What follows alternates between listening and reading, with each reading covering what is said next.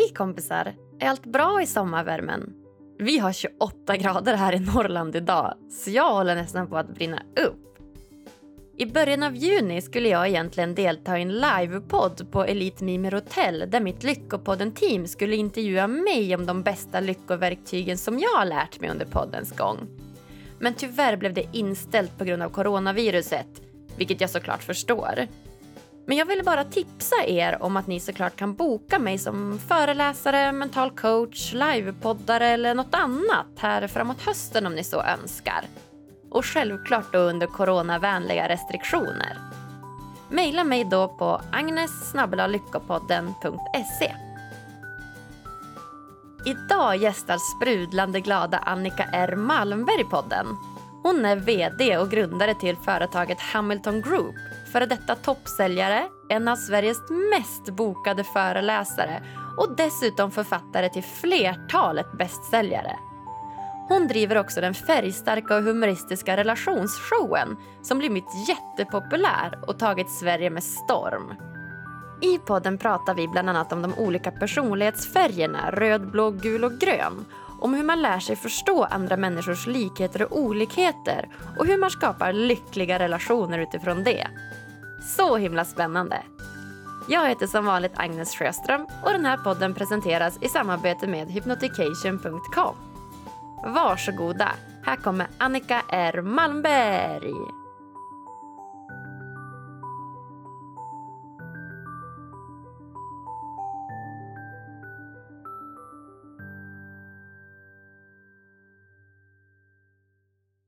Då säger jag varmt, varmt välkommen till Lyckopodden, Annika Malmberg. Ja, men hej och tack för det. Tack själv. Tack för att du vill komma och gästa oss och att du tar dig tiden. Och då ska jag börja med att lägga till ett R. Det där är så intressant med mitt namn, men jag har ju ett, en mellanbokstav och eh, jag känner inte igen när någon säger Annika Malmberg, då tänker jag, vem är det? Annika R Malmberg, om jag får be. Annika R Malmberg, men då vet jag. Då måste jag fråga, vad betyder R där då? Det står egentligen för Risberg som var mitt flicknamn innan jag gifte mig första gången. Och sen blev det så inarbetat och så del, en så stor del av mitt varumärke så att jag kände inte igen mig om inte R fanns med. Så när jag sen skilde mig så försvann ju Risberg, men då heter jag också Rut. Tack och lov ska jag behålla R. Oh, vad härligt! Ja, men det är en fin bokstav, det är inte att ja. Eh, glömma bort. Nej. ja, vad härligt. Annika R Malmberg. Du, jag hör ju att du befinner dig på landet och det är ju sommar och det ser nästan ut som solen skiner där hos dig. Hur, hur mår du idag på en skala 1 till 10? Ja, men jag mår väldigt bra. Det är varmt, det kommer att bli ännu varmare snart. Så att eh, nu är det sommaren här.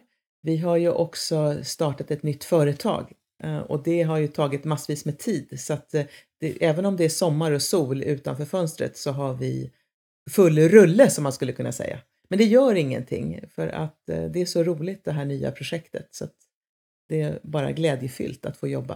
Det låter konstigt men det är väl kanske för att den här våren har varit så annorlunda mot andra perioder. Så det, man har inget emot, det är snarare en fest att få arbeta och ha ett projekt som fyller en med glädje och energi. Ja, men vad härligt. Ja, men jag håller med. Det har minst sagt varit en speciell vår, det har det. Och eh, vi sitter också här och försöker få till teknikerna här varje gång när vi ska spela in podd istället för att sitta på vårt vanliga ställe i, i Stockholm. Så att, eh, ja, det, det är en omställning, men eh, ja, inget ont som inte har något gott med sig, tänker jag. Nej, och man lär sig nya, nya sätt att kommunicera på som jag tror vi kommer att ha glädje av framöver. Så, och så minskar man resandet och ja, så, och det här, jag tycker ändå att det är nu, du och jag sitter och tittar på varandra här och ja, vi är inte så långt ifrån varandra i alla fall. Nej, men det känns Nej. som att vi är ganska nära. Ja. Du, eh, Annika R Malmberg, jag eh, kom i kontakt med dig första gången egentligen förra hösten då jag fick biljetter till din show, relationsshowen, men jag hade ingen möjlighet att gå och det är nästan så att jag ångrat mig sedan dess för jag har ju hört vilken fantastisk färgsprakande och humoristisk tillställning det ska vara. Ja, det var synd att du kunde komma. Det var ju ett projekt som vi startade för, ja, ungefär vid den här tiden för ett år sedan. Det är en eh, fantastiskt rolig föreställning om relationer som man kan ta med sig arbetskamrater, sin partner, familjen på och folk skrattar så de ramlar av stolarna för vi människor är ju rätt roliga ändå med alla våra olikheter och egenheter. Ja, men jag tänker det. Kan du inte berätta lite grann vad handlar den om och vad är det ni pratar om? Det handlar ju om det som jag ofta får prata om på mina föreläsningar, för jag är ju professionell föreläsare, det är ju det som är mitt yrke. Och jag pratar ofta om samarbete, hur man ska kunna komma överens i en grupp och hur man ska kunna prata och kommunicera fastän vi är så olika. Och eh, jag beskriver ju olikheter med hjälp av färger. Det finns ju olika sätt att prata om människors temperament och skillnader i personlighet. Och jag har jobbat med det här i över 25 år och i 12-13 år har jag använt mig av färgerna för det är en väldigt stark och bra pedagogisk modell. Och eh, det som många känner till det här med färgerna idag, men det många inte vet och tänker på, det är att alla har alla färgerna i sig. Alla kan använda allt fast vi har olika lätt för att göra det. Och det är det jag vill visa i den här föreställningen, att även om jag kan vara på det sättet som min partner är, så tar det kanske kraft och energi från mig när det för min partner är väldigt lätt att kanske vara ordningsam eller social eller eh, väldigt målinriktad eller vad det nu kan vara för någonting då. Och det blir så tydligt när man tar alla de här exemplen från privatlivet. Vad som händer runt matbordet när man ska åka på semester eller som har varit nu extra tydligt under corona när många har jobbat hemma och kanske har både barn och partner och hundar och gud vet allt eh, väldigt nära och då när man bokstavligen går på varandra, då händer det ju intressanta saker. Och de som har sagt att man inte kan prata om olikheter eh, överhuvudtaget mellan människor, de tror jag har fått tystna nu när man ser hur det är när man jobbar så nära eller är och lever så nära människor. Så det är väl det som föreställningen handlar om. Så med mycket värme och kärlek, inga pekpinnar, ingen ska känna sig liksom att de är fel. All, ingen är fel, alla är rätt. Men vi måste ta lite mer ansvar och visa hänsyn för hur olika vi är då. Så det är väl det jag pratar om. Ja, men så bra. För jag tänker att vi ska gå in lite mer på de här klassiska personlighetsfärgerna lite senare. Men först tänker jag, finns det någon så typisk igenkänningsfaktor eller aha-upplevelse som du pratar om? Något specifikt exempel där som du tar upp som folk går igång lite extra på? Ja, det som de flesta känner igen, det är ju att i relationer om vi nu pratar våra mm, personliga relationer, de man parar ihop sig med eller de man blir attraherad av, att det ofta är en person som är min motsats. Eh, och det är det som blir komiken här också när folk upptäcker det att herregud, vem är det jag parar ihop mig med eller vem gifter jag mig med eller vem är min sambo och hur kunde det bli så här? För det är ju en människa som inte alls är som jag. Och det är inte så konstigt eftersom vi ofta dras till en person som inte är som vi själva. Det är kanske naturens sätt att ordna det väldigt smart och praktiskt för oss, för det är ju bra att vi har någon som kompletterar oss. Men det kan också ligga någonting i att vi faktiskt blir eh, fascinerade och som jag sa attraherade av någon som är annorlunda. För det blir något spännande och ja, intressant över en sån person. Som du är till exempel, som jag har på föreställningen, en väldigt social och känslosam och utåtriktad människa som har lätt för att prata med alla och nästan tänker högt och är spontan, så blir du ju fascinerad av en person som bara sitter och ser hemlighetsfull ut och knappt säger någonting och bara sitter och iakttar. Då dras man till den där personen och tycker att han eller hon är väldigt fascinerande. Och sen är det ju precis de egenskaperna som sen retar dig till vansinne när ni har blivit ett par. Att man tycker, men tycker du ingenting? Har du inga åsikter? Och den andra personen kan ju också ha dragits av den här mer utåtriktade människan för det blir ju så enormt livfullt och eh, ja, men, levande och, och, eh, och sen så är det kanske den egenskapen som man tycker är jobbig. Kan du aldrig liksom tänka innan du säger något och måste du prata oavbrutet och du vet sådär. Ja. ja. Ja, men så himla roligt. Men om vi tar det exemplet då, eh, för det känns som att det är väl ganska vanligt att som du säger man dras till sådana typer av olikheter och hur gör man då för att hantera det på ett bra sätt enligt dig? Ja, eftersom det här heter Lyckopodden och det handlar om att bli lycklig i en relation så är det ju första att man inte tror att man ska göra om sin partner. För att leva i en relation där någon ständigt talar om för mig att jag är fel, jag gör fel och att jag borde ändra mig, då blir man ju verkligen olycklig. Så att, eh, att jag inser att den här människan jag lever med kan inte ändra på sig, kommer vara så här och ska få vara så här. Däremot så måste vi ibland visa hänsyn till varandra om det ska funka. Och det betyder att om jag är social, om vi nu tar det exemplet, och tycker om att ha människor omkring mig så här på sommaren kanske och bjuda hem folk och mycket liv och rörelse och sådär. Och jag lever med någon som inte alls får energi av det så måste jag ju visa hänsyn för det. Då kanske det är så att vi kommer överens om att vissa kvällar så, eller veckor, dagar så är det bara vi. Och, du vet, eller du får åka iväg och göra någonting själv. Du behöver inte vara med. Jag blir inte sur om du inte är här när mina kompisar är här. Eller vad det nu kan vara för någonting. Så att man inte tar det som en förolämpning att den personen är tråkig och trist. Det kanske bara är så att min partner inte klarar det, blir liksom utmattad av för mycket social stimulans. Och att, eh, och andra hållet också, att inte jag då som är social ska behöva sitta ensam i en sommarstuga eller i en husvagn hela sommaren med min partner för att han eller hon tycker det är toppen att vi ska fiska eller bara gå skogspromenader när jag får energi av andra människor. Så att det handlar om att båda får bjuda till lite och det är nog bra att man gör det. Mm. Den som är väldigt livfull kan må bra av att ta det lite lugnt och sakta ner tempot och den som är rätt lugn kan också må bra av lite mer interaktion och få öppna upp och alltså där. Så att, men i lagom dos då. Det är väl ett, ett sådant exempel där man kan visa lite mer hänsyn. Men ofta är det så svårt att förstå att människor inte är som jag. Alltså det här är det vanligaste felet i relationer, som föräldrar, på en arbetsplats. Det är att man utgår från sig själv och så ger man till andra det man själv vill ha.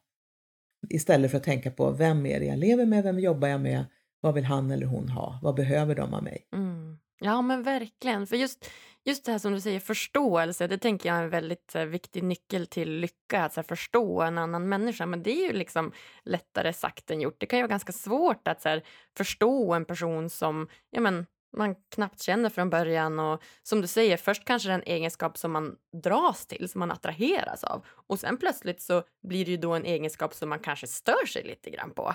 Så Just det. Att, uh, ja. Det är inte rätt. Och det, det är därför jag tycker det är så bra att använda sig av färger då, för det blir som en, som jag sa inledningsvis, en pedagogisk modell som är lätt att använda och lätt för människor att förstå sig på. Det är klart det är inte hela sanningen, men det är en viktig pusselbit och som är lätt att förklara sig själv kring. Att om man lär sig mer om de här olika temperamenten så kan jag sen berätta för dig, om du och jag nu ska spela in podd ihop eller vi ska samarbeta, så kan jag säga att men jag är en ganska extrovert person och så kan jag förklara mig själv utifrån de här egenskaperna och så kan jag också säga att det här vet jag att jag är bra på. Det här är mina styrkor. Det här vet jag att jag ibland har svårare för och som andra ibland kan irritera sig på. Så att jag talar om det för dig, att jag har, jag har den självinsikten.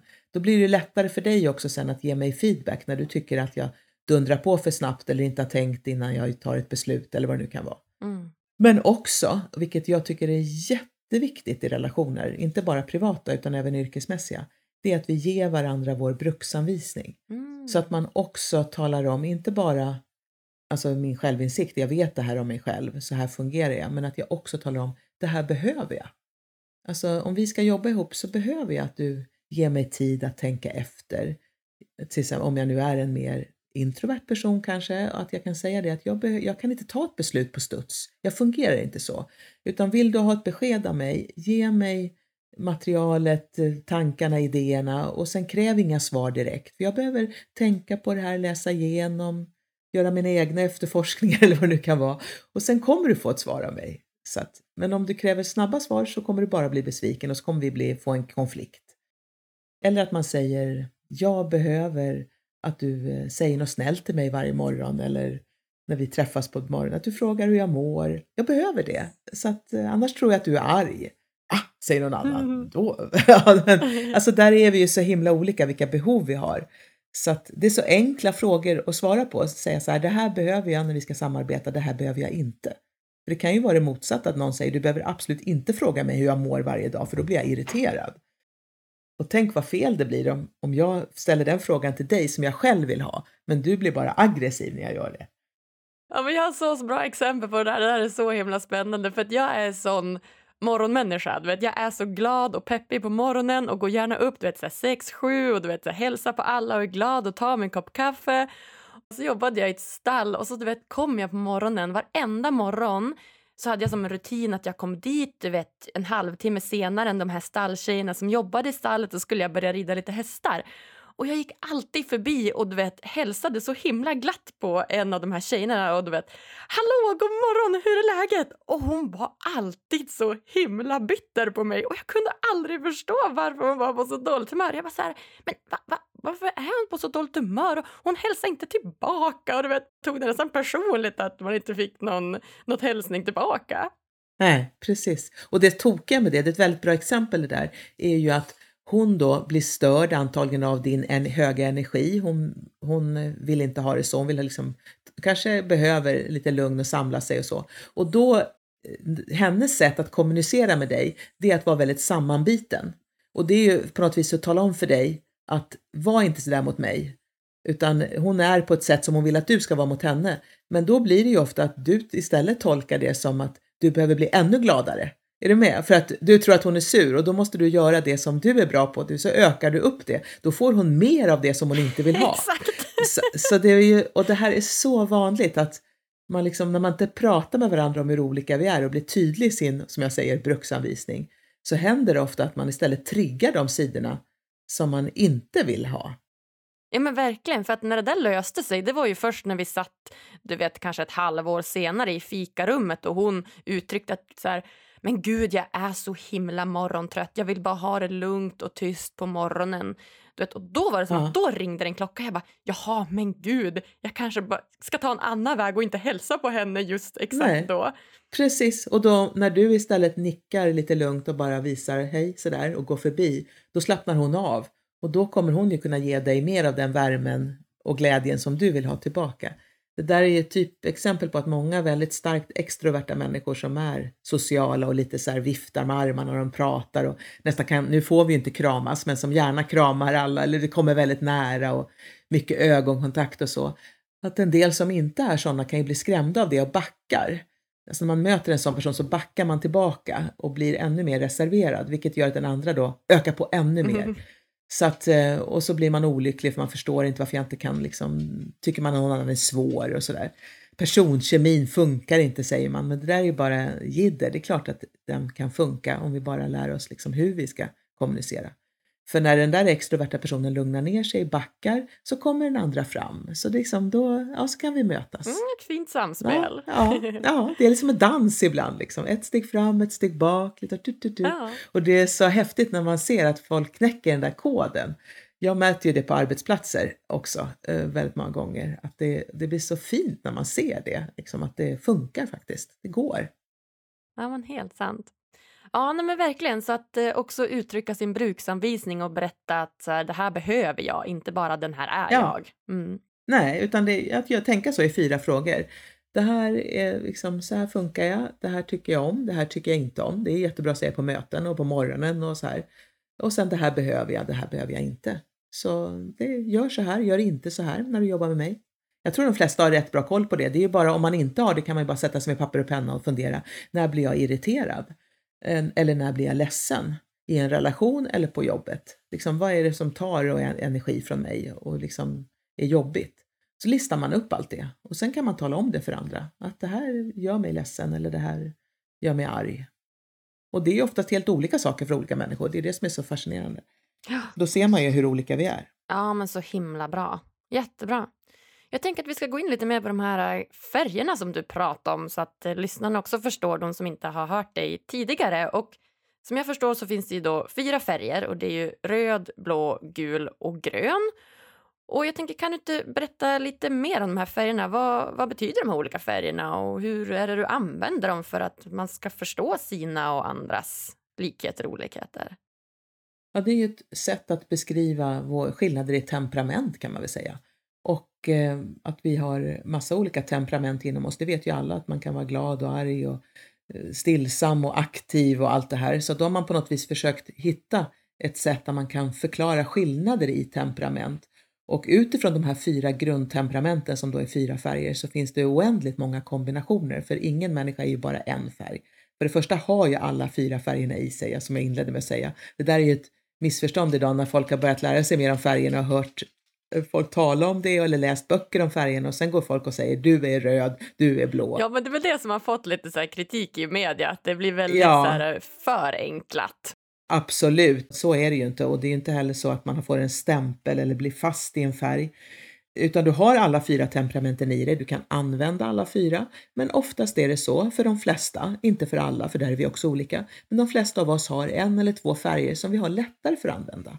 Och också så när vi använder dem så blir vi själva mer uppfyllda av energi och glädje och får kraft. Och när vi använder dem som vi har mindre av så kan vi använda dem, vi kan till och med vara enormt skickliga på att använda dem. Men vi blir ofta tröttare eller blir lite mer låga, eh, utmattade om man säger, av att använda dem. Mm. Och det är en sak som inte har framgått om man till exempel har läst en bok som heter Omgivna av idioter som handlar om färgerna och där, är, där blir det ungefär som att du inte, om du har lite av en färg, så låter det ungefär som att du inte kan använda den och det vill jag starkt invända mot. För det kan du absolut, det är bara det att du blir trött av att använda den. För det kan ju ibland att någon säger du är, du är inte grön, alltså kan inte du vara omtänksam, snäll, lyssna på andra. Jo, det kan jag visst, jag har lite skogsgrönt i mig. Det är bara det att jag kan träna upp den förmågan, jag kanske måste göra det för nu är jag i en grupp som kräver att jag är relationsinriktad och omtänksam och inlyssnande och jag gör det. Jag kan till och med bli bäst i klassen. Enda skillnaden är att när jag kommer hem på kvällen så är jag väldigt trött. Än jämfört med någon som har lätt för att visa omtanke, lyssna på andra och visa hänsyn. Så en sån enkel sak som att visa hänsyn kan ge kraft till vissa människor och ta kraft från andra. Men det är något som vi måste lära oss i livet. Så det är ju, men om vi ska ta de fyra temperamenten då? Ja, om vi börjar med grön, det sa du ju var någon typ av omtänksam och omhändertagande person. Ja, det är en person som eh, har grundinställningen är att man kan inte bara tänka på sig själv. Hur skulle världen se ut om alla gjorde det? Det är självklart att man tänker på andra före sig själv. Alltså så måste man ju göra. Det är, väldigt, det är en stark värdering att vi måste ta hand om varandra, vi är som en familj, vi ska hjälpas åt och då är det självklart att man lyssnar på andra, att man ställer frågor, visar intresse, att man eh, inte vill såra någon. Man är väldigt skicklig på att säga jobbiga saker på ett snällt sätt så inte någon tar illa upp. Eh, och ehm, ja, hänsynsfull ska jag säga, relationsinriktad. Väldigt bra egenskaper och det är en människoinriktad färg, som man säger, att man har lätt för att tänka på människan och människan kommer först. En annan människoinriktad färg är eh, den solgula. Jag använder ett prefix före färgerna för det har att göra med det verktyg som jag använder som heter Insight Discovery. Där säger man solgul och skogsgrön, inte bara grön och gul då. Så de skiljer sig från disk som många känner till då. Eh, men då om man är solgul, då är man också människoinriktad, men då kanske det handlar lite mer om mig själv än om andra. Att jag tycker om och får energi av att prata om mig själv, att visa upp mig. Och det kan vara att jag liksom eh, får faktiskt kraft och energi av att kunna använda min egen energi för att påverka andra. Det är jag mycket bättre än skogsgröna på som solgul. Och eh, jag kanske hjälper andra genom att peppa, inspirera, jag har lätt för ofta ställa mig upp och säga, liksom, ta scenen. Men alla solgula är inte estradörer, utan det kan också vara att man är väldigt kreativ istället. Att det är att man påverkar andra med konst, musik, eh, ofta är det ju tal, men det kan ju också vara på andra konstnärliga uttrycksformer. Eh, påhittig, eh, innovativ eh, och eh, känslomänniska, precis som den skogsgröna också. Så, och Eh, som stora skillnader mellan solgul och skogsgrön är väl att en skogsgrön vill ju liksom Alltså när jag är mitt människointresse är ju på alla andra. Som solgul kanske ligger väldigt mycket på att jag tänker hur jag upplever och jag säger. En solgul säger ofta i min värld, jag tänker så här. Jag, jag tänker, nu tänker jag så här. Jag måste säga. Och så pratar inte en skogsgrön. De framhäver inte sig själv hela tiden på det sättet. Ja, just det. Ja, spännande. Och sen har vi röd och blå då. Ja, och de är mer uppgiftsinriktade. Så att den eh, eldröda tänker mer på alltså, vilken uppgift är det alla de här människorna ska göra? Och vad är det för resultat vi ska uppnå? Och när ska vi uppnå det? Och det är viktigt att göra saker. Eh, man är målinriktad, resultatinriktad och eh, drivande, har lätt för att ta beslut. Eh, modig, djärv, så. Och kanske, ja men du vet, driver på en grupp och om man tittar på de havsblåa så är de också uppgiftsinriktade, men de kanske tänker, deras fokus ligger mer på hur ska vi göra den här uppgiften? Alltså vilken metod ska vi använda? Hur kan vi säkerställa att det här inte bara görs För så kan en äldre tänka ibland, bara vi blir klara. Och då tänker en havsblå, nej, ska man göra någonting gör man det ordentligt. Så nu vill jag att vi backar och tänker igenom så vi inte gör en massa fel. Utan att vi har liksom ett, en bra metod och kan kvalitetssäkra det här och följa upp det på ett bra sätt. Och de havsblå är också väldigt analytiska, kritiskt granskande, kan liksom dyka ner i detaljer och allt det här för att säkerställa att inte det ska bli något fel längre fram. Så det är ju en, en fantastisk styrka att ha. Så det blir ju så tydligt här i en grupp, om man säger att vi ska genomföra en förändring. Och då tänker ju de äldre på liksom, vilket mål ska vi uppnå, uppnå? De havsblå tänker vilken metod ska vi använda? Hur ska vi göra det på bästa sätt så att vi gör alla lika och kan liksom kvalitetssäkra det här? Och de solgula tänker på hur kan vi göra det här roligt och kreativt och nytänkande? Och de skogsgröna tänker hur kan vi göra det här så alla får vara med, så ingen hamnar utanför och att det blir bra för alla som blir drabbade av den här förändringen. Och då blir det ju så tydligt när man hör det här att alla de här fyra temperamenten behövs ju i en förändring. Man kan ju inte säga att någon är viktigare än någon annan. Missar du en av dem så faller ofta hela förändringsarbetet. Och det är det här, en person som då är skicklig på att coacha sig själv, man pratar mycket om självledarskap idag och man vill göra karriär och utveckla sig själv, inser ju att jag måste ju träna upp min förmåga inom alla de här fyra områdena om jag ska lyckas. Ja, men då är det ju bra att känna till, så att inte blir för hård mot sig själv, att en del av de här temperamenten kommer jag ha lättare för och andra kommer jag få jobba mer med. Och jag kanske inte kan kräva mig själv att jag ska vara top notch expert på allt. För då kanske jag inte, ja då kommer jag kanske bli olycklig om vi nu pratar Lyckopodden, utan jag måste också få briljera inom vissa områden och eh, kanske också få vara i ett team där jag har andra som kompletterar mig, där jag inte är så stark.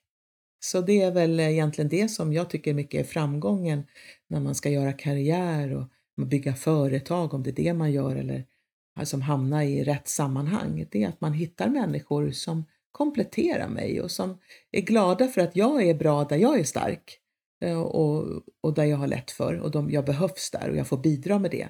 Och sen att jag har förståelse för att vissa saker måste jag anstränga mig lite mer men jag behöver inte vara världsbäst där för det kan någon annan vara bättre än jag. Och det ser man ju också när folk bygger företag, att många gör ju så, att man hittar någon som, är jag inte bra på att läsa det finstilta, så har jag någon som kan det. Annars kommer jag gå på pumpen hela tiden. Ja, och det känns som att det är väldigt viktigt som du säger om man då vill bli framgångsrik eller bygga ett företag eller bara bli lycklig att man faktiskt är medveten om så här, ja, men vilken av den här eller de här färgerna är jag och vad behöver jag för att komplettera mig och att man ja, man är medveten om de här helt enkelt. Ja, men det jag inte tycker om det är människor som säger så här, men jag är så här, jag har de här två färgerna. Det där har inte jag, så det kan inte jag göra ungefär när man är väldigt äldre. Och så här, men jag är inte så omtänksam, jag kan inte visa hänsyn, jag, jag, är, jag uttrycker mig hårt, det får ni bara ta. Eh, och blir du ledsen då så får du ta ansvar för det själv, var inte så känslig. Och det tycker jag inte är respektfullt. Däremot kan man gott säga det att jag hör ibland inte hur hård jag låter. Och jag vet att jag ibland uppfattas som aggressiv fast jag inte menar det och jag är ledsen för det om någon tar illa upp men säger ifrån då. För jag hör det inte själv. Och jag ska tänka på hur jag uttrycker mig. Men det är som ibland när jag jobbar med människor som är väldigt äldre, de kan ibland tycka att nu har jag skrivit en text jättevänligt och så får jag läsa den och säga så här, nej, jag kanske inte tycker att den blev så vänlig. Fast i deras ögon så är den jätte, jättevänlig nu. Och å andra sidan kan ju de tycka ibland att jag själv då har lindat in det alldeles för mycket. För då blev det nästan översnällt, eh, är du med? Eller blev det så luddigt så att ingen förstår allvaret i situationen. Och då kan det vara bra att jag får hjälp av någon som kanske är bättre på att vara extra tydlig. Så att ehm, det jag säger, det, och det är väl det här som är utmaningen, att ofta är människor så uppfyllda av sina egna färger så de tycker att jag har rätt. Det är så här som jag är, som man ska vara. Och det är det jag får jobba med hela tiden. Nej, alltså för dig är det rätt. Men sen kan du ha en annan människa som du lever med eller jobbar med som har en helt annan sanning om vad som är rätt. Och här måste ni hitta en gyllene medelväg, annars kommer det aldrig funka. Äh, det där är också så typiskt. Jag har också exempel på det där och det är att det var också en stallsituation när vi satt och red hästar. Ja, vi hade ridit hela morgonen och så blev klockan 12 och 1 och det blev nästan lite så lunchdags och så var det en kollega till mig då som uttryckte att så här, nej men gud vad hungrig jag är, sa hon. Och jag var så här, jaha, ja men ja, jag är också hungrig. Och sen en timme senare så frågade jag så här, men du ska vi gå och äta nu? Och då var det som att hon bara, ja, men jag sa ju det för en timme sen. Men jag tyckte bara att hon sa att hon var hungrig. Men hon menade ju då egentligen att nu Ja, vill hon gå och äta. Så precis. att det handlar verkligen också om hur man uttrycker sig på de här olika sätten. Ja, visst. Och lära sig och ta upp sådana här saker sen också. Det, det är ju en jättebra grej att göra i en arbetsgrupp, i ett team, att man ibland har utvärderingar som jag kallar för teamutvärderingar och där man faktiskt går igenom, kanske också när man har gått i mål med ett viktigt projekt. Alltså vad var det vi gjorde bra i den här? Vad var det som funkade bra? Vad var det som funkade mindre bra? Och så går laget runt. Och då kan det vara att ja, jag blir jättearg när jag inte får äta när jag säger det. Men du sa ju inget. Jo, det sa jag. Och så kan man prata om det. Att jaha, då uttrycker vi oss olika. För att många gånger så pratar vi aldrig om de där irritationsmomenten. Som om man tror att någon annan är så här, hon fattar ju inte, hon bara tänker på sig själv. Men jag förstod inte ens att du sa någonting till mig. Nej, precis. Alltså, nej. Så, och då kan man ju skratta åt det istället. Gud vad tokigt det blev, för jag trodde det här. Ja, ja. Och det är väl det som är min, efter att ha jobbat i över 30 år i arbetsgrupper med samarbete och konflikthantering, att de flesta konflikter är egentligen inga konflikter. Det är att vi har pratat förbi varandra. Men sen i och med att vi inte har tagit upp det så har det blivit ett irritationsmoment som sen nästan har blivit en konflikt eller låsning. Verkligen. För jag, jag la in så mycket annat i det du sa än vad du faktiskt gjorde. Och det är också ett typexempel i relationer. Ja. Alltså att man inte förstår sin partner och så blir man sårad över något som egentligen inte, det var ingen baktanke alls. Det var inte något uppsåt. Fast det var bara liksom, jag fattar inte eller jag trodde, jag utgick från mig själv liksom. Mm. Ja men verkligen. Och om vi då tar de här olika färgerna, mellan vilka olika färger är det vanligast att det blir missförstånd? Ja, men det är andra akten i min föreställning, eh, relationsshowen, för där pratar jag om krockarna. I första akten så beskriver jag mer relationer och utmärkande drag och så. Sen efter pausen, eh, då pratar vi om krockarna. Det är då folk liksom bara, då brister det helt. För det här är sådana situationer som man känner igen hela tiden. Och då är det så att alla färger kan ju krocka och kombinationer av färger kan krocka. Men de vanligaste krockarna, som, det är ju de som är mellan motsatsfärgerna. Och det är ju dels mellan havsblå och solgul, för det är de två färgerna som ligger absolut längst ifrån varandra. Men man kan ha dem i sin profil också. Du kan ju vara både analytisk och noggrann och kreativ. Det är ju alltså som en person, men det är inte så vanligt att man ser det hos en människa. Och det, då kan man ha så här inre konflikter, att man både vill göra saker och sen inte tror att man kan, till exempel.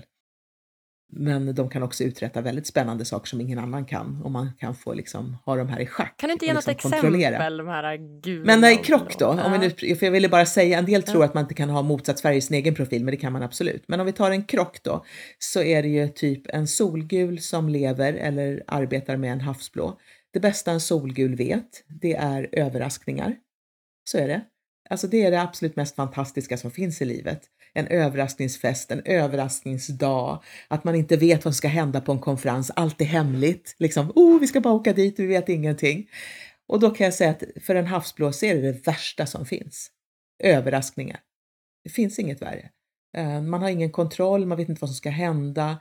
Allt det här spontana som inte är genomtänkt liksom. Och, så att, och det är väldigt vanligt att en solgul, både på ett företag eller i teaming, arbetsgrupp, ordnar olika överraskningar på konferenser och så.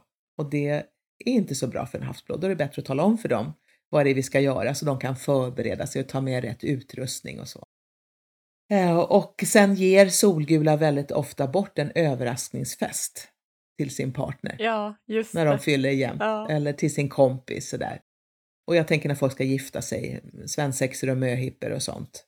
Det skulle kunna vara en jättefin dag som man gör med sina bästa vänner och någon av vännerna skulle verkligen tycka att det var härligt om allting var överraskningar medan andra skulle tycka att det var en mycket härligare dag om jag eh, liksom fick veta vad vi ska göra tillsammans. Och då säger det är inget roligt, säger några. Ja, men det kanske inte är det som är det viktiga. För dem, för dem blir det bara en plåga. Jag vet ju folk som har haft ångest för de här dagarna. Att det är, de, de har till och med sagt, jag vill inte ha det. Ja, ja, Och då blir alla ledsna liksom. ja, just det. Men, eh, men det gäller ju också för den som är mer havsblå att se att även om de själva skulle hata och ha en överraskningsdag så kanske deras partner skulle bli jättelyckliga. Och tänk om de kunde göra det.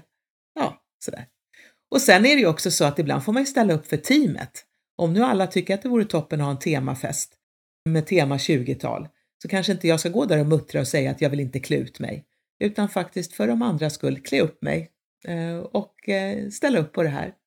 Men jag behöver inte göra det varje fest. Nej, nej, för det kan ju lätt bli så då att så här, säg att man har ett stort team och så kan man ju då utgå nästan från att alla färger finns med i det här teamet. Då blir det som Ja. svårt. Får man inte göra något då? Man får nästan så här, tassa Nej. på tå så att man inte du vet, går någon Nej, men det går ju inte. Nej. Då blir ju alla olyckliga Ja, istället. Ingen är lycklig någonsin. Nej. Nej, men det är det jag menar, att de som är mer havsblåa och inte gillar överraskningar och utklädnader och allt det där med crazy fridays och happy AV och allt vad det är. Ja, men då får de ställa upp på det ibland. Ja. Eh, och då vet vi andra att det är inte det att vi är, för de tycker så, alltså man blir ju ledsen om man får höra att man är tråkig och säger du är så tråkig, var inte så tråkig. Men vad då? jag tycker inte det är roligt att klä ut mig. Så säg inte att jag är tråkig när jag inte vill göra en sak som jag inte ens tycker är rolig. Alltså man blir ju nästan, ja, så det är elakt att säga så, utan men då vet vi andra att du ställer upp för oss, då blir vi glada och tacksamma för att du faktiskt sätter på den där knasiga hatten och, och det ska jag ju säga att de som ofta ordnar den bästa utklädnaden är ju de havsblåa, för när de väl har gått all in, då har de ju tänkt på allt. Just det. Eh, Och då kanske det blir lite kul för dem också, för då blev det ett projekt som de har fått ta ansvar för och eh, så kan de få beröm för det. Och, så och sen att de eh, andra som är solgula då ibland faktiskt eh, taggar ner och bara har en vanlig AV liksom när man sitter och pratar med varandra. Och du vet, det behöver inte vara något spektakulärt utan nu bara gör vi det här på det sättet som andra uppskattar. Så det är väl ett givande och tagande då. Det är en krock som folk känner igen och som är rätt kul att göra lite teater kring, för det finns ju många tacksamma scener där kring överraskningar och så. Eh, och då skrattar ju folk jättemycket. Men en annan krock är ju mellan eldröda och skogsgröna. Och eh, det vanligaste där, eh, liksom komplikationen är väl att en skogsgrön är ju väldigt bra på att läsa mellan raderna och vara det man säger tankeläsare och förstå vad du vill ha utan att du har sagt det. Medan en person som är äldre har väldigt många styrkor men inte är så bra på att läsa tankar. För jag är, om jag är äldre så är jag en person som alltid säger vad jag tycker och vad jag vill ha. Vill jag ha ett glas vatten så säger jag det. Hämta vatten till mig. Eh, vill jag ha en öl säger jag till dig, kan du köpa en öl till mig? Eller köp en öl till mig också. Eller så går jag och köper en öl själv, till mig själv. För jag vill ha en öl nu, så löser jag det problemet. Och jag fattar inte varför det ska bli ett problem. Att någon annan blir sur för att jag inte köpte en öl till dig. För du kunde väl ha gått och köpt den själv eller gå, eller vad jag, vad jag fattar inte. De liksom, vad, vad grinar de? Vad, liksom, vad är purken för? Ja. Och den andra tycker liksom att kan du aldrig göra någonting för mig? Kan du inte handla det här till mig eller köpa det här till mig eller tänka på mig någon gång? Och de andra fattar inte det, för de har liksom inte lagt märke till hur många tjänster de har fått i det tysta. De har bara tagit det för givet på något sätt. Och det är ett typexempel där det är jättebra som skogsgrön att säga det att jag har inte lika lätt för att be om saker som du har. Jag tycker det är jobbigt att belasta andra. Det tycker inte en eldröd. De är bara tydliga. Men en skogsgrön tycker inte om att liksom du ska behöva släpa och dra och göra saker för mig. Så att jag skulle vara jätteglad om du någon gång frågar mig vad jag vill ha. Sådär. Men jag har ju ett exempel på det som hur man gör när man vill ha vatten till exempel och, och en eldröd bara skriker rakt ut hämta vatten. En, en solgul eh, liksom kan linda folk sitt finger om hur du som är så bra på att hämta vatten, du som är så snabb eller kan du vara en ängel? Åh vad snäll du är! Kan, åh, så, här. så de får vatten, de är ju experter på att få vatten och en havsblå har en väldigt bra instruktion för hur man ska hämta vatten. Du vet, eller har en process så att ingen någonsin behöver vänta på vatten utan alla får vatten löpande så har vi löst det problemet. Och sen om man tar den som är skogsgrön, det är ju en person som då hämtar vatten till alla om de själv är törstig. Ja, så de har ju löst det så. Är jag törstig så hämtar jag till alla andra. Ja. Och de gör alltid så. De tänker alltid på andra före sig själv. Och det är klart, om man är en sån person så blir man ju helt förkrossad när man ser att ingen tänker på mig. Ingen frågar hur jag mår. Ingen frågar hur jag har det. Men de andra tycker, men säg det då! Ja, precis. Ja, men så himla bra, Annika. Det är ju såna typiska exempel. Man kan ju känna igen sig, ja, men som du säger, lite grann i alla ändå och eh, kan ju se det på sina relationer och vänner också. Ja, så prata om det. Vad som, och det är väl ett jättebra samtal att ha under semestern när man sitter lite avslappnade och är på gott humör i varsin solstol eller på kvällen i, vet, man haft en bra dag och allting är positivt. Det är då man ska prata med varandra om liksom vad som funkar i vår relation och vad som kanske funkar bra och kunna säga det, för det är ju härligt att få höra också vad jag uppskattar hos dig och varför jag är så glad att du finns, att du är min vän eller min partner. Det är att säga till sin bästis liksom varför jag tycker så mycket om dig som bästis. Det är ju jättefint att få höra. Men också säga att det här är det som ibland eh, blir jobbigt för mig. Inte för att jag säger att du är fel, utan jag säger att här är vi så olika. Och förklara det. Och prata och så gärna ha exempel. Eh, liksom inte bara säga att någon, du är hård eller du är stressad eller du är så impulsiv, utan som till exempel idag när vi skulle vara på restaurangen. Ja, du vet, och så tar man upp ett en scenario, vad som hände och du beställde sådär snabbt och du blev så här irriterad. Irriter jag blir inte irriterad, nej men jag upplevde att du blir irriterad när jag behövde tänka innan jag tog ett beslut. Så här. Och så kan man prata om det en stund. Ja, så en lösning på det här för att minska då missförstånd emellan det är att prata om, om vad, som sina behov då, eller sin bruksanvisning. Ja, och kanske ibland boka in ett sånt där utvecklingssamtal även med sina kompisar eller med sin partner. Sin familj kan man ju prata om, men det är väl jättebra om barnen inte är alltför små. Att man också kan tillsammans, sin familj, prata om hur olika vi är. För det är också något jag tar upp. Jag har ju skrivit en bok som heter Make it work, en guide till fungerande relationer som handlar om det här med färgerna i privatlivet. Och eh, som är Alltså den är ju en sån perfekt semesterbok och sommarbok.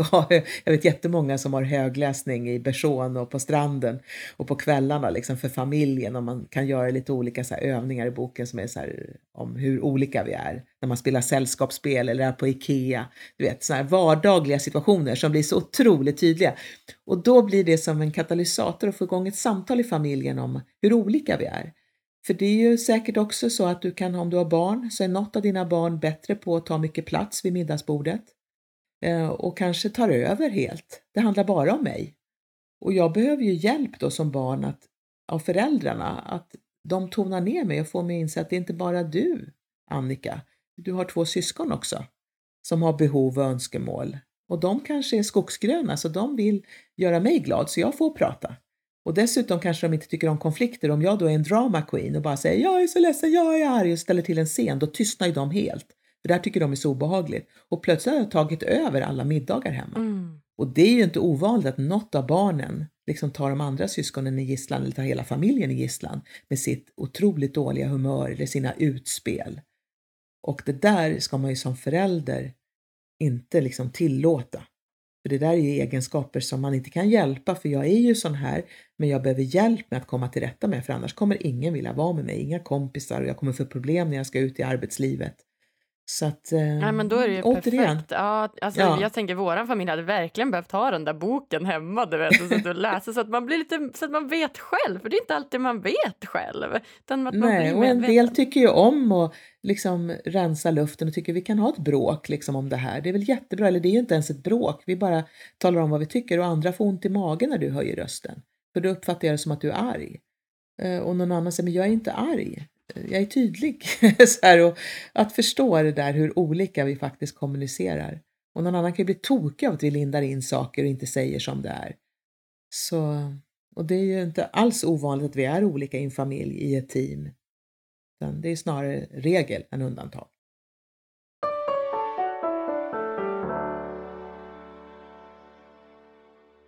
Vill du stärka din självkänsla, sova gott och må bättre? Då borde du testa vägledd självhypnos. Det enda du behöver göra är att lyssna, slappna av och följa instruktionerna. Gå in på hypnotication.com och hitta dina favoriter idag.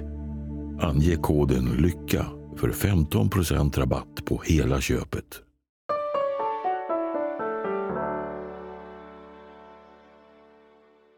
Du har varit inne lite på det, Annika. Här. Du är ju dels väldigt framgångsrik föreläsare idag. Du är författare till ett eh, flertal böcker.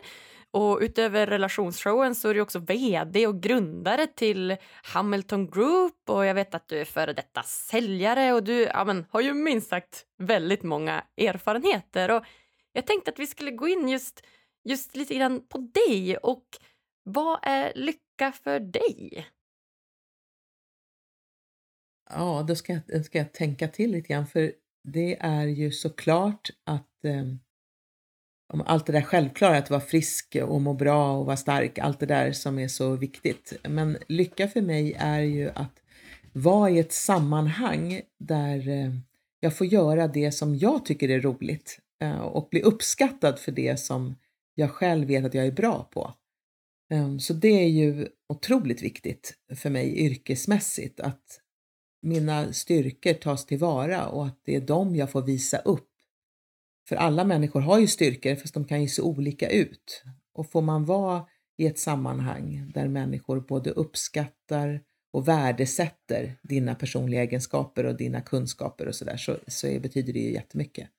Och för mig är det ju att få stå på scen, att uppträda, har ju alltid varit det som jag tycker är allra roligast. Och det är klart att får jag göra det yrkesmässigt och får uppskattning för det, och då, då blir ju jag lycklig. Det är därför jag har gjort samma sak i över 30 år.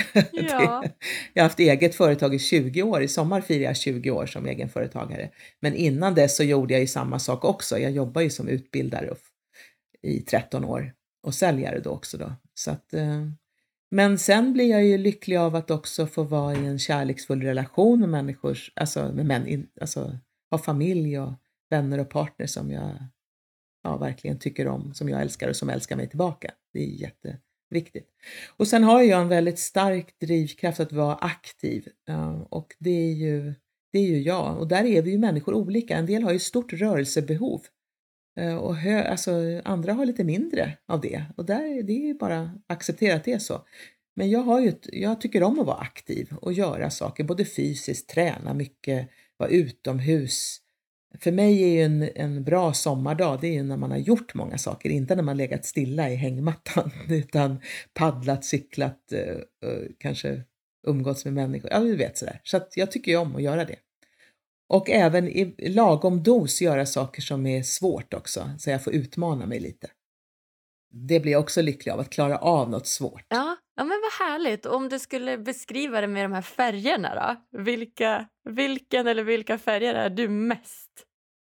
Mest är solgult och det har ju varit sedan jag var liten. Det kan jag känna igen. Det är, det är den där färgen som jag är mest hemma i av alla de här fyra.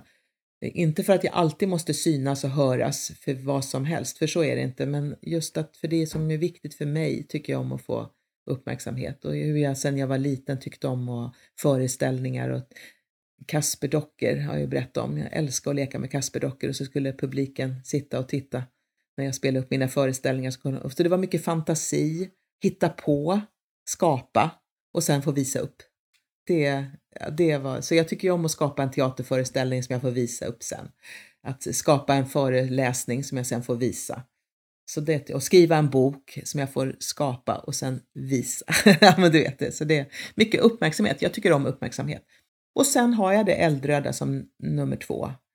Och eh, det är ju att jag ibland eh, kan vara rätt krass sen när jag driver på saker, liksom att jag kanske inte alltid visar så mycket hänsyn, att jag fått jobba med min skogsgröna sida, att jag har fått lära mig det genom åren och bli mer diplomatisk, tänka på hur jag uttrycker mig. För det kan gå rätt fort fram ibland då. Men jag tycker om att sätta upp mål, utmana mig själv. Och jag vet eh, att ehm, jag tycker om att prestera och då som kvinna under åren så har jag ofta fått höra det. Jaha, men du är så här bekräftelsenarkoman, du ska prestera för att folk ska älska dig. Och det vill jag verkligen ta avstånd ifrån och säga till alla lyssnare också att det finns människor som presterar för hela tiden för att få andras gillande. Så är det inte för mig. Alltså jag har, ett, jag har en glädje att uppträda. Det ger mig energi att folk ser mig. Men att prestera gör jag lika mycket för min egen skull. Jag tycker om och leverera någonting som är top notch. Jag kan lägga ner jättemycket tid för att något ska bli bra, inte för att jag måste för att bli accepterad och älskad, utan för att jag tycker om när saker är snygga, bra gjorda, proffsigt levererade. Jag älskar det där vackra, snygga, färdiga. Så det, så det är viktigt att hålla isär, liksom duktig flicka-syndromet eh, till att tycka om bra prestationer. Ja men verkligen, alltså jag känner att det är nästan mitt i prick. Jag känner igen mig jättemycket i det här också som du beskriver i, i de här olika egenskaperna. Och jag är nog också sådär solgud och lite röd och kanske får träna mig på, på den gröna sidan. Så att ja, jag känner verkligen igen mig. Jättebra beskrivet. Kunna förstå skillnaden, att man själv gör det eh, att, eh, vad är min drivkraft? För det är ju inte bra att prestera bara för att andra ska gilla en. Då kan man ju knäcka sig själv. Men idag när vi pratar så mycket om psykisk ohälsa och eh, självkänsla och så, så kan det ibland låta som att alla människor som tycker om att prestera egentligen mår dåligt. Och det vänder jag mig emot. För jag vet att det finns massvis med människor som älskar att prestera och tävla och spänna bågen och pressa sig själv till max. Och det har ingenting att göra med dålig självkänsla, utan det är bara en glädje i att prestera och se hur långt man kan komma. Ja men verkligen, för det håller jag helt med om. För att jag kan känna igen mig i det här tvärtom. Att jag har ju varit ganska mycket, haft den här, jag kallar det för prestationsdjävulen lite grann i mig. För ja, men kanske haft sämre självförtroende och sämre eh, självkänsla. Eller ganska högt självförtroende för jag klarar ju som det jag gör. Men mm. att man inte får glömma bort sig själv. Och det har jag nog gjort emellanåt. Att så här, ja, men jag har satt ett lika med tecken mellan den jag är och det jag gör. Medan att ja, men nu på äldre dagar har, har jag som haft en liten dissonans där. att så här, men vadå, Jag gillar ju att, att, prestera, men mår jag inte bra då? Eller kan man prestera och må bra? du vet? Så det var väldigt bra beskrivet. Men då kan jag faktiskt ge ett bra exempel till dig eh, och till lyssnarna hur man kan checka om sin prestationsdrift är skadlig eller inte. Och det, det är när man misslyckas. Eh, för det är klart, om du presterar mycket och tycker om att spänna bågen, då kommer du ju inte alltid lyckas. Eh, utan du gör ju fel och du förlorar och det går dåligt och så. Och om du inte har en sund inställning till prestation, då slår du på dig själv när du misslyckas. Okay. Och tycker att du är dålig eller mår väldigt dåligt och det är nästan så att ditt personliga värde har sjunkit. Mm. Har du en sund inställning till prestation, då är det ju snarare så att, att du tänker den här uppgiften var svår. Eh, och det handlar inte så mycket om mig, att jag är en dålig människa som inte klarar av det här, utan det är mer att Uppgiften var svår, den kräver mer, kanske en större insats i form av effort, ansträngning eller jag måste ha mer kunskaper, jag måste ha en bättre coach eller jag behöver göra någonting. Så att jag, eller ska jag säga så den var så svår så det är inget för mig. Jag får lägga ner det här för jag, även om jag skulle skaffa mig den bästa coachen och träna tusen timmar till så vet jag inte om jag vill det för jag tycker det här det var nog för svårt eller det var inte min grej. Jag får bara, äh, jag, jag gör inte det här. Så backar jag och så satsar jag på något annat. Så när du gör något fel, att det inte handlar om att du är fel då, utan att det var en svår uppgift och jag får jobba lite hårdare eller byta spår. För jag vet ju människor som hela tiden mäter sig själv i andras gillande. De mår ju nästan, alltså de knäck, de slår på sig själva och mår jättedåligt när de inte lyckas. Mm. Och det är ju inte bra. Då måste man liksom se över varför presterar jag? Vad handlar det här om egentligen? Och hur kan jag bygga upp min självkänsla på ett annat sätt? Mm. Ja, men jättebra.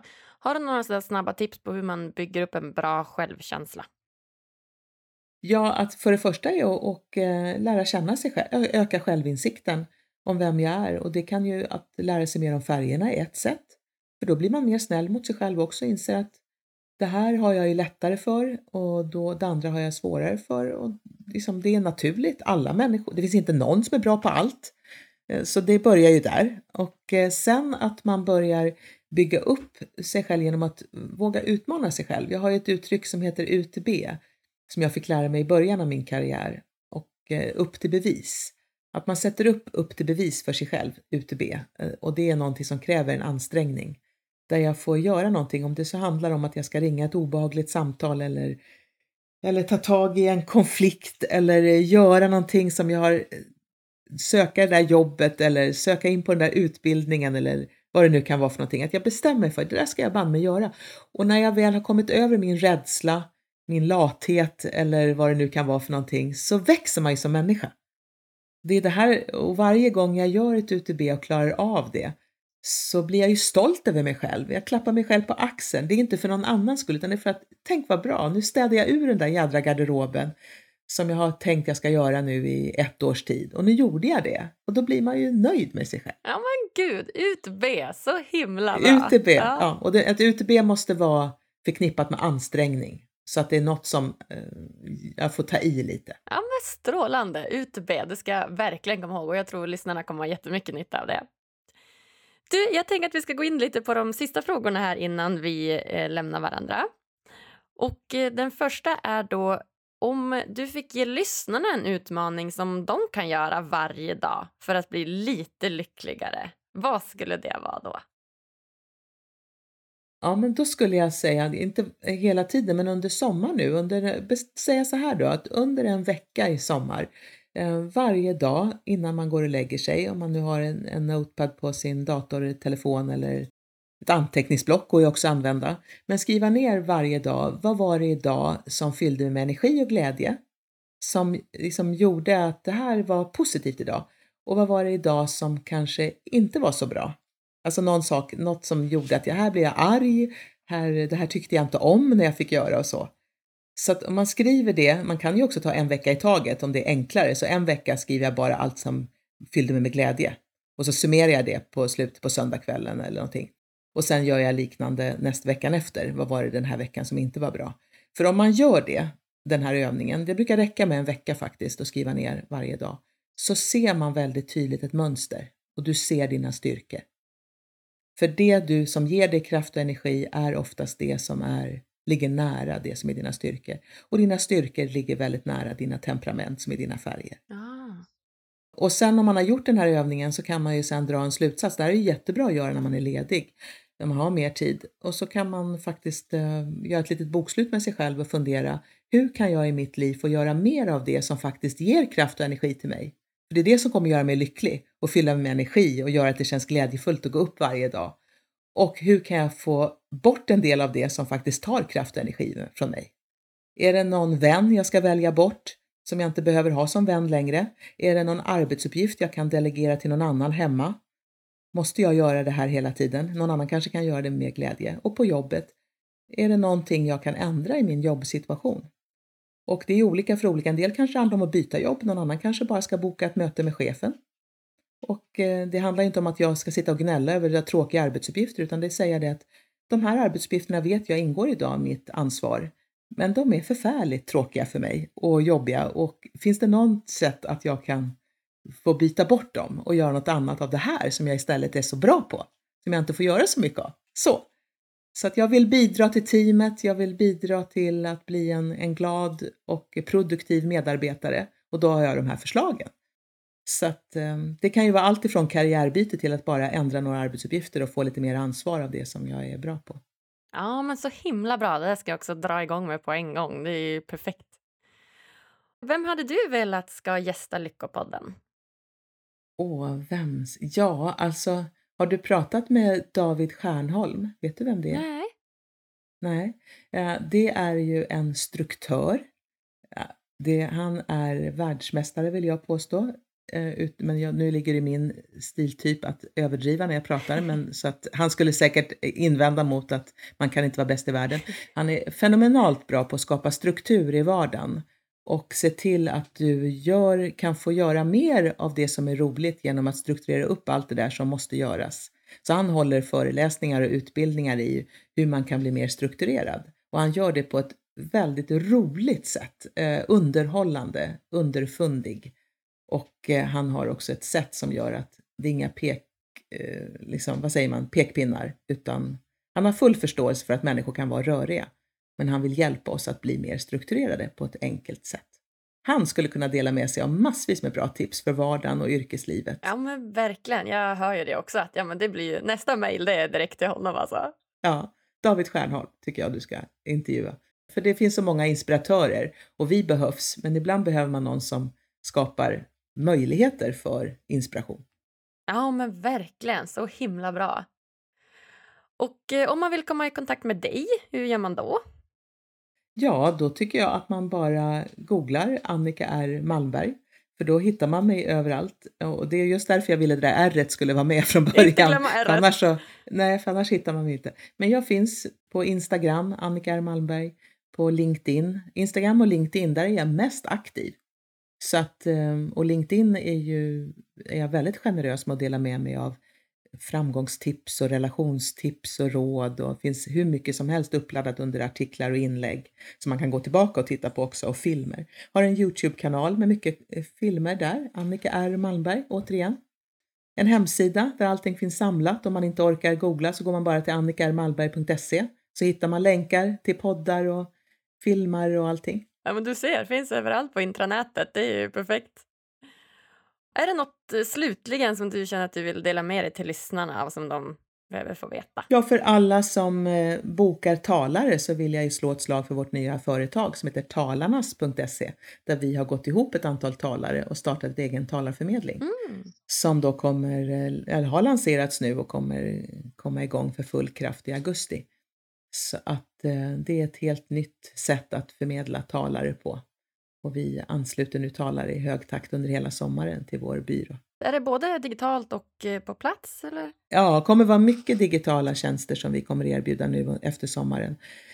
Och eh, i olika paket så att man kan få inspiration även om vi nu inte kanske kan träffas fysiskt. Så ska alla kunna få inspiration och pepp och kunskaper och kanske behöver det extra mycket nu när vi inte kan träffas som vanligt. Det är många som fortsatt måste jobba hemifrån och behöver mer energi och glädje på olika sätt eller kunskaper och då kan man förmedla det digitalt och det kommer vi vara väldigt duktiga på eh, och se till att det finns. Och väldigt alltså, kvalitetssäkrare talare som vi själva har kvalitetssäkrat. Vi som då har jobbat som talare i så många år, vi har väl över 60 års erfarenhet tillsammans. Vi kan då eh, också avgöra vilka talare vi vet håller måttet. Har du några som du kan namedroppa där som, kom, som också finns med i den här byrån? Ja, det är vi som från början nu så kan jag ju helhjärtat garantera alla vi fem som har startat byrån då. Och eh, det är ju Kristina Stielli som är en fantastisk inspirationstalare som pratar om hur man ska må bra och välja glädje på jobbet och så.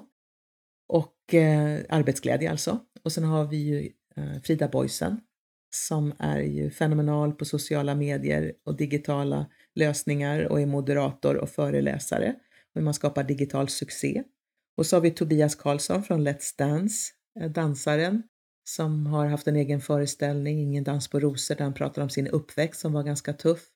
Och som är, han är ju, ja, folk gråter och skrattar när de lyssnar på honom. Det är enormt inspirerande. Och eh, kan få upp temperaturen överallt. Du har undertecknad, såklart, som kan prata om allt möjligt som rör eh, relationer, samarbete och eh, hur man hittar motivationen. Tändvätska, min senaste bok, pratar jag gärna om nu, hur man hittar liksom, sin egen motivation. Och sen har vi faktiskt också då såklart David Stjernholm, struktören, Ja, perfekt. som balans. Ja, så han finns också. Ja, men du, jag tar alla de här som tips till podden ju. Det låter ju som superinspirerande Ja, ja, det tycker jag. Ja. Det ska de vara. Alla platsar i din podd. Ja, Alla skapar lycka på olika sätt. Ja, men visst är det så. Och jag ska också passa på att säga det att vi är så glada för att vi ska ju få chansen att lotta ut två av dina nyaste böcker där också tändvätska i, på Instagram. Så att alla lyssnare in på Lyckopoddens Instagram och var med och tävla om dem. Ja, och det är en bok som är en karriärbok vill jag säga. Eh, En bok s- som jag skrev till mina två barn när de var i 20-årsåldern. För jag sa att den här boken skulle jag själv vilja haft när jag skulle ut i yrkeslivet. Och sen har den visat sig fungera väldigt bra för alla, inte bara unga. Utan, men det är tändvätska i livet, karriären och för din alldeles egen skull. Ja, gud vad fint. Vi skulle nästan haft ett eget poddavsnitt bara om den boken ju. Det kan vi ha längre fram. Ja, det tycker jag. Du, stor, stor, stor kram Annika och tack snälla för att du kommer gästa oss här på Lyckopodden. Tack för att jag fick vara med. Och ha en fin sommar nu alla. Men gud, vilket bra avsnitt hörni. Dels har vi fått lära oss om alla de olika färgerna, hur man stärker självkänslan och om hur man utvecklar och förbättrar alla typer av relationer. Och så spännande att man kan utgå från de här färgerna när det kommer till alla relationer. Både kärleksrelationer, i arbetslivet och i familj och ja, men allt möjligt. Alla borde verkligen ta chansen att lyssna på Annika R Malmberg vid tillfälle. Det ska i alla fall jag. Tycker ni det här var lika bra som jag? Prenumerera gärna på Lyckopodden, följ oss på sociala medier och ge oss fem stjärnor på iTunes. Tack för att just du lyssnar. Vi hörs på tisdag igen. Puss och kram!